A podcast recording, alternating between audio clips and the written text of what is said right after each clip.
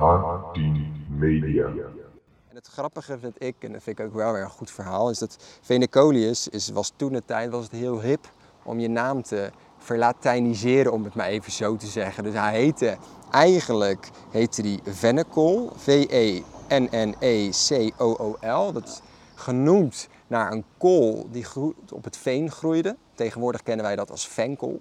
Maar het was dus eigenlijk een beetje een chique naam. Nou, dat kwam ook omdat hij, wat jij ook zei, hij was heel wel bespraakt. Hij was geducht, veel relaties. Dus hij, hij was ook gewoon heel erg geleerd. regent weer in Maasluis. Ik ga, ook al kom ik ooit weer thuis.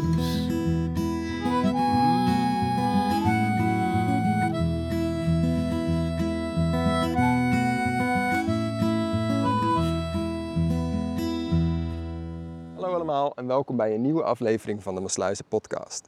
In deze podcast ga ik samen met mijn vader op zoek naar al het bijzonders in en uit Maasluis. Allebei zijn wij geboren en getogen in Maasluis en hebben dan ook veel interesse in deze mooie stad. In deze aflevering gaan wij het hebben over hoe Maasluis uiteindelijk zelfstandig is geworden. Want in aflevering 1 hebben wij het gehad over hoe Maasluis is ontstaan, maar toen was het eigenlijk nog niet zelfstandig. In deze aflevering gaan wij dat verhaal vertellen en dat gaan wij dan ook nu doen. Oké, nou, laten we eh, wederom maar even beginnen met te vertellen, eh, waar zitten we eigenlijk nu? Wij zitten wederom op het Kerkeiland en we kijken eh, recht op de Stadhuiskade. Dus we zitten aan de overkant van de Stadhuiskade. Prachtig mooi plekje van Maassluis, een van de mooiere plekjes. En het is een mooie locatie. Ja. En Havenkom heet dat. Havenkom en we hebben al een aantal keer aan de Havenkom hebben we gezeten. Ja. Ehm, dit was eigenlijk voor de allereerste aflevering wilden wij ook hier zitten op deze plek. Ja. Eh, maar toen zijn we uiteindelijk ergens anders gaan zitten. Ehm, dus wij gaan het vandaag in ieder geval hebben over, nou ja, niet zozeer over hoe Maasluis is ontstaan, maar hoe Maasluis zelfstandig is geworden. In aflevering 1 hebben wij het gehad over nou, hoe is Maasluis eigenlijk Maaslandsluis toen de tijd ontstaan. Maar toen viel het bestuurlijk in ieder geval nog onder Maasland en was het dus nog helemaal niet zelfstandig. En nu gaan wij het hebben in ieder geval over hoe ze zelfstandig zijn geworden. Maar voordat we dat gaan doen, gaan we het even hebben over een, eh, eerst kort over een vraag van een van onze trouwe luisteraars, Mike Filius. Eh, die vroeg zich af naar aanleiding van onze, eerste aflevering. We hebben het gehad over die, de, de, Hoge Dijk. Dus de Zuiddijk, de Hoogstraat, de Noorddijk. En nou, zo liep die uiteindelijk helemaal door. Maar waarom zijn er mensen buiten de dijk gaan wonen als het zo gevaarlijk was of als er veel water was? Ja, maar het stond natuurlijk, het, het was een gevaarlijk plekje, maar eh, met, je moet het een beetje relatief zien allemaal natuurlijk. De, rivier wat je, eh, stroomde vrij langzaam, breed, het was een monding, een delta. Dus eh, meestal was het ongevaarlijk. Dat ze daar gingen wonen had eigenlijk te maken met het feit dat er een aantal plekken toch wel hoger lagen. Afzettingen van de rivier en dergelijke, waardoor de banken, zandbanken achterbleven en zo. En door het regelmatig eh, toch wel onder water lopen, terugstromen van het water, bleef er vruchtbare grond achter. Dus je kon er ook wel wat op verbouwen. En in latere jaren ging men daar ook wonen, terwijl er toch regelmatig toch al die boerderijen toch wel een meter, anderhalve Ja. meter onder water stonden. Maar men bleef daar zitten omdat het heel vruchtbaar was en veel toch wel te verdienen viel. Ja, veel te verdienen. Dus eh, zodoende ja, zijn mensen buitendijks gaan wonen. Buitendijks eh, richting ja, tussen Maasland, Sluis, toen de tijd en het Scheur. Nou, het heette toen de tijd dus eh, 1334 Maasland, Sluis. Ehm, bestuurlijk gezien onder Maasland. Eh, maar dat het bestuurlijk Maasland was, dat zorgde wel voor een aantal conflicten of een aantal dingetjes. Ja, ja, ja, ja, ja. het was natuurlijk, eh Maaslandsluis breidde zich heel snel uit in die jaren. Hè. We gingen natuurlijk van een aantal huisjes die er eh, tegenover ons stonden naar uitbreiding langs de haven, eh, de binnenhaven en de buitenhaven. Daar kwamen meer eh, woningen te staan, pakhuizen, visserij nam toe. En er werd geld verdiend hier, goed geld verdiend aan de visserij. En al dat geld, veel belasting van dat geld ging naar Maasland toe. En werd ja, besteed in plaats, dus veel geld werd verdiend met de visserij. Ja. Daarover werd belasting betaald aan Maasland en dat ging eigenlijk onevenredig naar de landbouw toe. Ja. En er kwam eigenlijk heel weinig terug Ja. naar Maasland, sluis toen de tijd. En dat stoorde namelijk nogal heel erg, want een van de problemen was natuurlijk wel, je had hier een school nodig, je had hier een kerk nodig voor de mensen en dergelijke. En die werden eigenlijk bekostigd uit de eigen geld en niet uit het belasting die betaald werd aan Maasland. Dat geld bleef daar. En er kwam heel weinig maar terug naar Maaslandsluis, dus dat stoorde ook heel erg. Heel erg. En dat was een van, van, de- van, van de grieven die eigenlijk toen de tijd naar Maasland zijn gebracht van jongens, er kloppen een hoop zaken niet, waaronder deze niet. Ja, het, een stukje financiën en een andere was ook, het was ook niet heel erg praktisch, want de rechtbank was dus in Maasland. En op het moment dat jij dus een eh, geschil had met iemand, moest je al nou, als inwoner van Maaslandsluis lopen naar Maasland toe. Nou, dat kostte gewoon onnodig veel tijd. Voor vissers was het vaak ook een probleem dat op het moment dat het gunstig was om uit te varen met betrekking tot de wind, moesten ze bijvoorbeeld naar de rechtbank. En tegen die tijd dat ze terugkwamen was de wind alweer gedraaid. Ja. Nou ja, nou je het over die vissers hebt, natuurlijk ook, ook de opbrengst, de visvangst. En dergelijke moest ook daar aangegeven worden. Eh, moest daar ook verkocht worden officieel en dergelijke.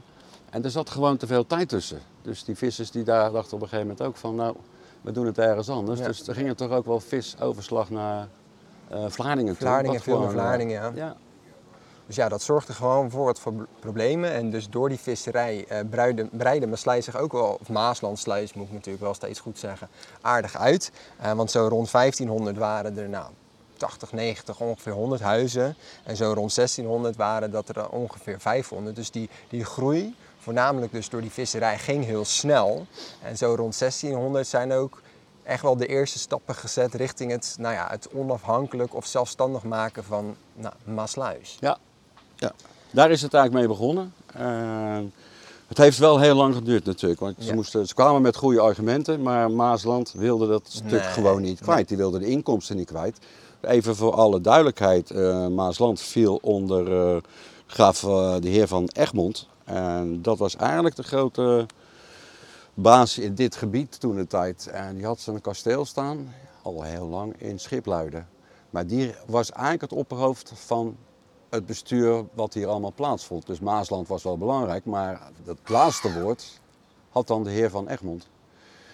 Maar eh, Maasland wilde gewoon niet meewerken. Ze zagen natuurlijk het geld verdwijnen. En daar wilden ze niet aan. Ze wilden wel eh, iets doen, maar dat was minimaal. Het was in ieder geval onvoldoende. En dat had toch wel tot gevolg dat eh Maasland Sluis, de zetters, dat waren eigenlijk de belastinginners, de, eigenlijk de, de, de, de iets belangrijkere mensen hier, die gingen het hoger opzoeken. Ja. En die gingen naar Delft toe. Een stapje Ja. verder gingen ze dan om toch hun recht te halen. Ja. Eh, alleen dat duurde een x aantal jaren. Ja, het duurde een hele hoop tijd. En in, tussen 1600 en 1612 zijn er eh, nou, vijf verzoeken gekomen dus vanuit Maaslandsluis. Maar die zijn eigenlijk allemaal afgewezen. In dat, eh, of na aanleiding van dat laatste verzoek zijn er wel een aantal afspraken gemaakt dat bijvoorbeeld Maasland wel iets zou betalen. Iets met betrekking volgens mij tot onderwijs. Eh, maar ook dat ze eigenlijk vredig als buren moesten blijven leven. Ja. Maar dat, dat, dat is niet helemaal gelukt. Het werkte een aantal jaren. Ja. maar Kijk, maar Sluis groeide, of Maasland Sluis groeide nog steeds. Het werd steeds groter, dus er kwamen ook steeds meer mensen en steeds meer geld. Dus het was onvoldoende. Men wilde gewoon hier dat geld houden. Ja. Of dat het hier in ieder geval volledig besteed werd. En dat was natuurlijk niet het geval. Nee. nee. Dus ja, dat heeft uiteindelijk eh, twaalf jaar geduurd. Nou, toen uiteindelijk, eh, of in ieder geval uiteindelijk, die meneer van Egmond, waar wij het net over al hebben gehad. Jacob van Egmond was dus de ambachtsheer van de regio hier. Die stond eigenlijk boven al die dorpsbesturen. En die riep die splitsing eigenlijk een soort van zelfstandig uit. En dat klinkt misschien heel eh, ja, verzetstrijderig, heel, eh, heel, heel moedig, maar het was hem ook voornamelijk om de belasting te doen. Dus eh, ja, zoals mijn schoonvader zou zeggen, het draait uiteindelijk allemaal om geld. Nou ja, vaak wel. In Ja. dit geval was ook zijn belang toch zeker wel financieel. Dus hij riep die splitsing uit, maar had daarvoor wel goedkeuring nodig van de Staten. Ja, van de Staten-Generaal. En Ja. dan blijkt dus eigenlijk wel, als je dan verder gaat spitten in die Egmond-familie uit Schipluiden, dat deze heer van Egmond, die had toch een hele belangrijke functie binnen de Staten-Generaal. Dat waren eigenlijk het bestuur wat verantwoordelijk was voor de noordelijke provincie. En in het algemeen was dat West-Friesland en, en de Holland hier dan. Maar die had daar al een hele hoge functie in. En dat is toch niet algemeen bekend. Wij- kennen hem als eh, kasteelheer in Schipluiden. Maar hij zat er wel heel hoog. Dus hij had wel een, eh, veel vrienden. Dus hij kon wel wat teweeg brengen. Als hij iets wilde, Dan werd het gedaan. dan werd het toch ook wel Ja, gedaan. Ja. Ja.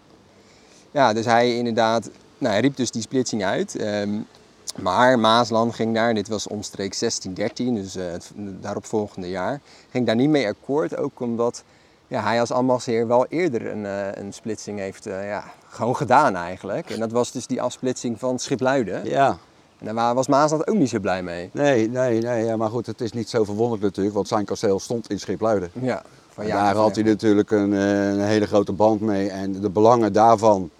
Maar hij kon dat heel makkelijk doen Nee. natuurlijk. Ook omdat zijn hele, dat, dat, dat, hele gebeuren stond allemaal in, eh, in het dorp eh Schipluiden. Ja.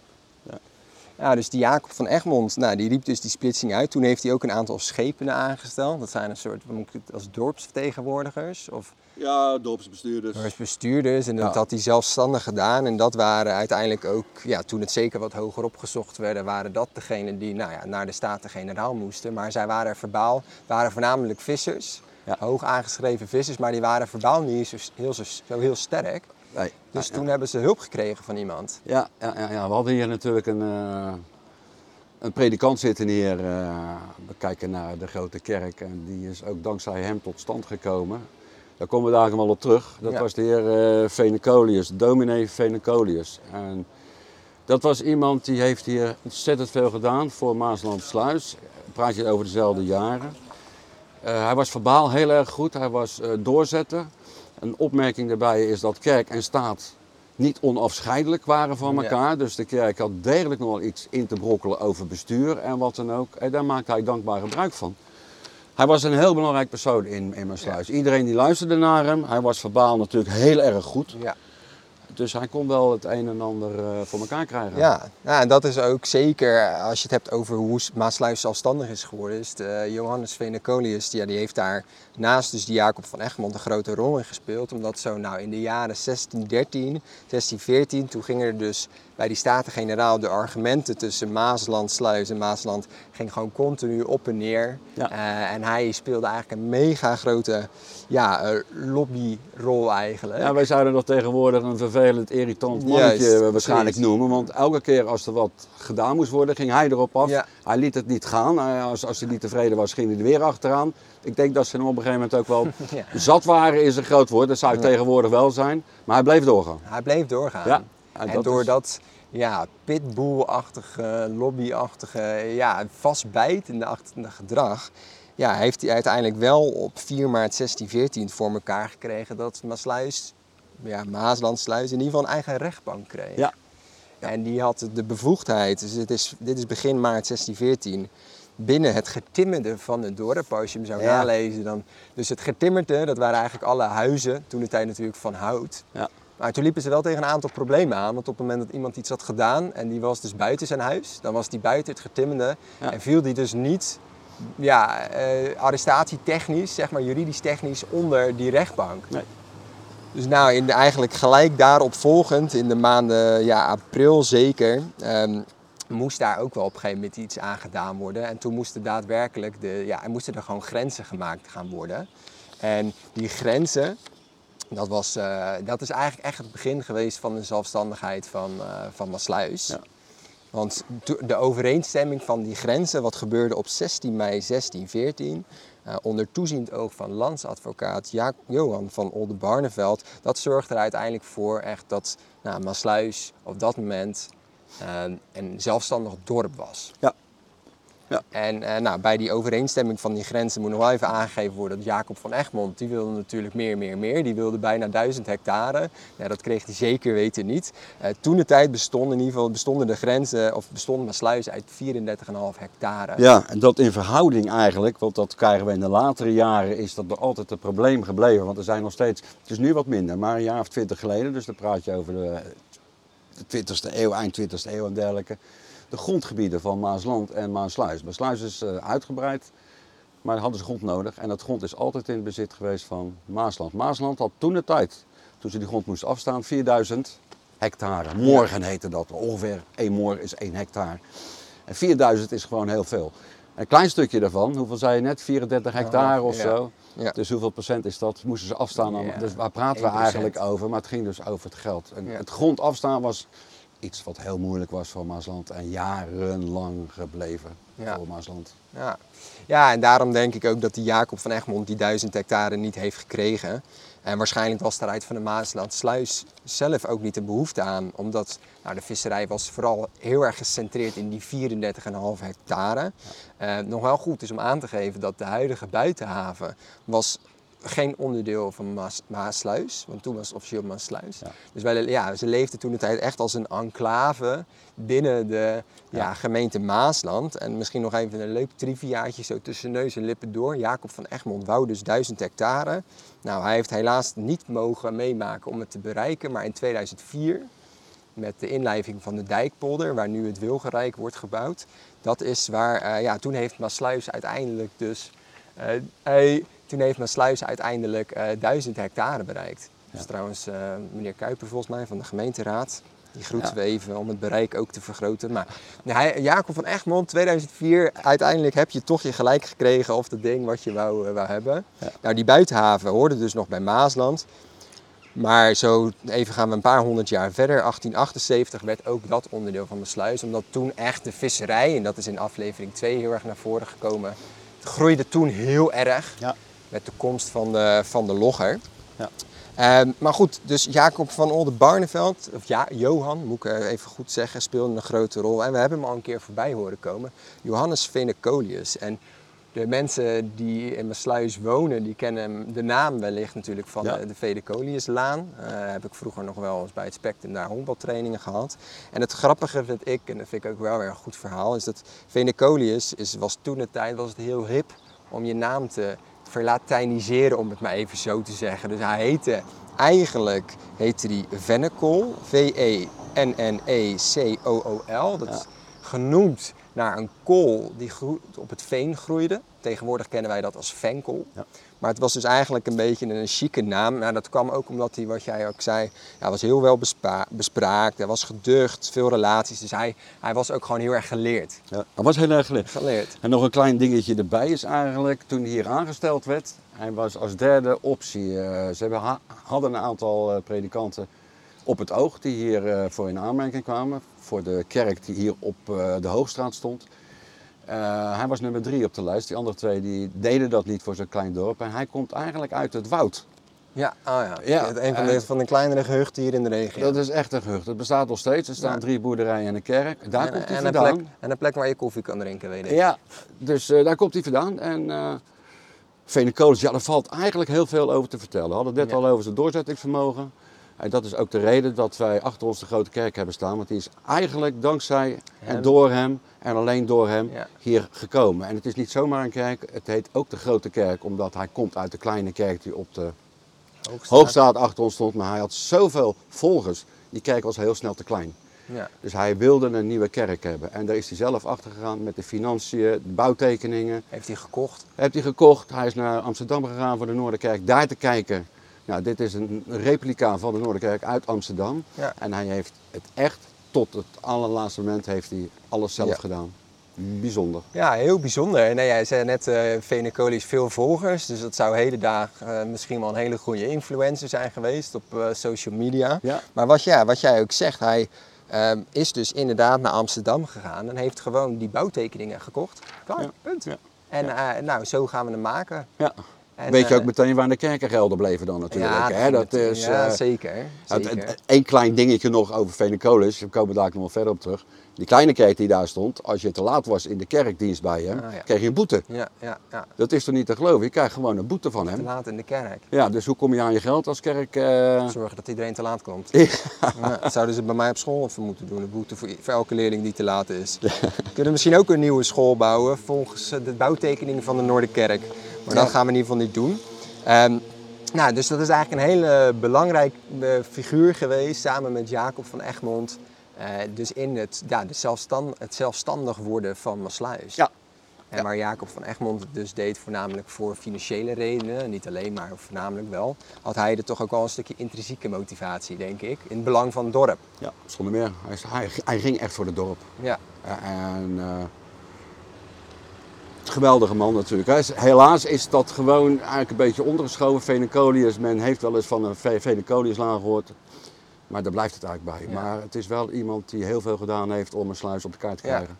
ja dus eigenlijk een van de, van de grondleggers. En ja, wat zie je daar tegenwoordig dus eigenlijk nog van terug? Ja, naast een herinneringscel die nu op de hoek staat van de Venecoliuslaan en de Zuiddijk, En wat tevens een hele sombere cel is, wat, eh, nou ja, somber in die zin dat hij heel eh, niet zo prominent aanwezig. En dat tekent ook een beetje hoe de vissers toen de tijd waren. Ja. Eh, niet uitbundig, niet overdreven aanwezig, maar gewoon een hele ja, eh, cel, punt. Ja. Het, het, het is ook, in, in, eh, toen die kerk werd eh, officieel geopend te deken, werd door hem gedaan. eh, de nacht daarvoor is zijn vrouw overleden. Ja. En dat lijkt mij toch, ja uiteraard is dat een bijzonder, bijzonder iets. Maar dat je dan de volgende dag gewoon in de kerk staat en Ja. de Ja. kerk Ja, opent. gewoon- ik vind het geweldig. Ja, dus het is een hele gemotiveerde, ja, gedreven man. En ik denk dat die gedrevenheid, dus die, die, die waarschijnlijk aangeboren karakterkenmerk van Venecolius ervoor heeft gezorgd dat wij nu geen Maaslanders zijn. Nee. Nee. Dat is hij echt eh, de grondlegger ervan. Kijk, we hebben het over Egmond gehad en Johan van Banneveld. Dat zijn eigenlijk de figuren met z'n drieën die de akte ondertekend hebben. Juist. Eh, die moesten ondertekenen als, als, als, als grondeigenaar en als staten-generaal en dergelijke. Maar zijn naam staat er ook op.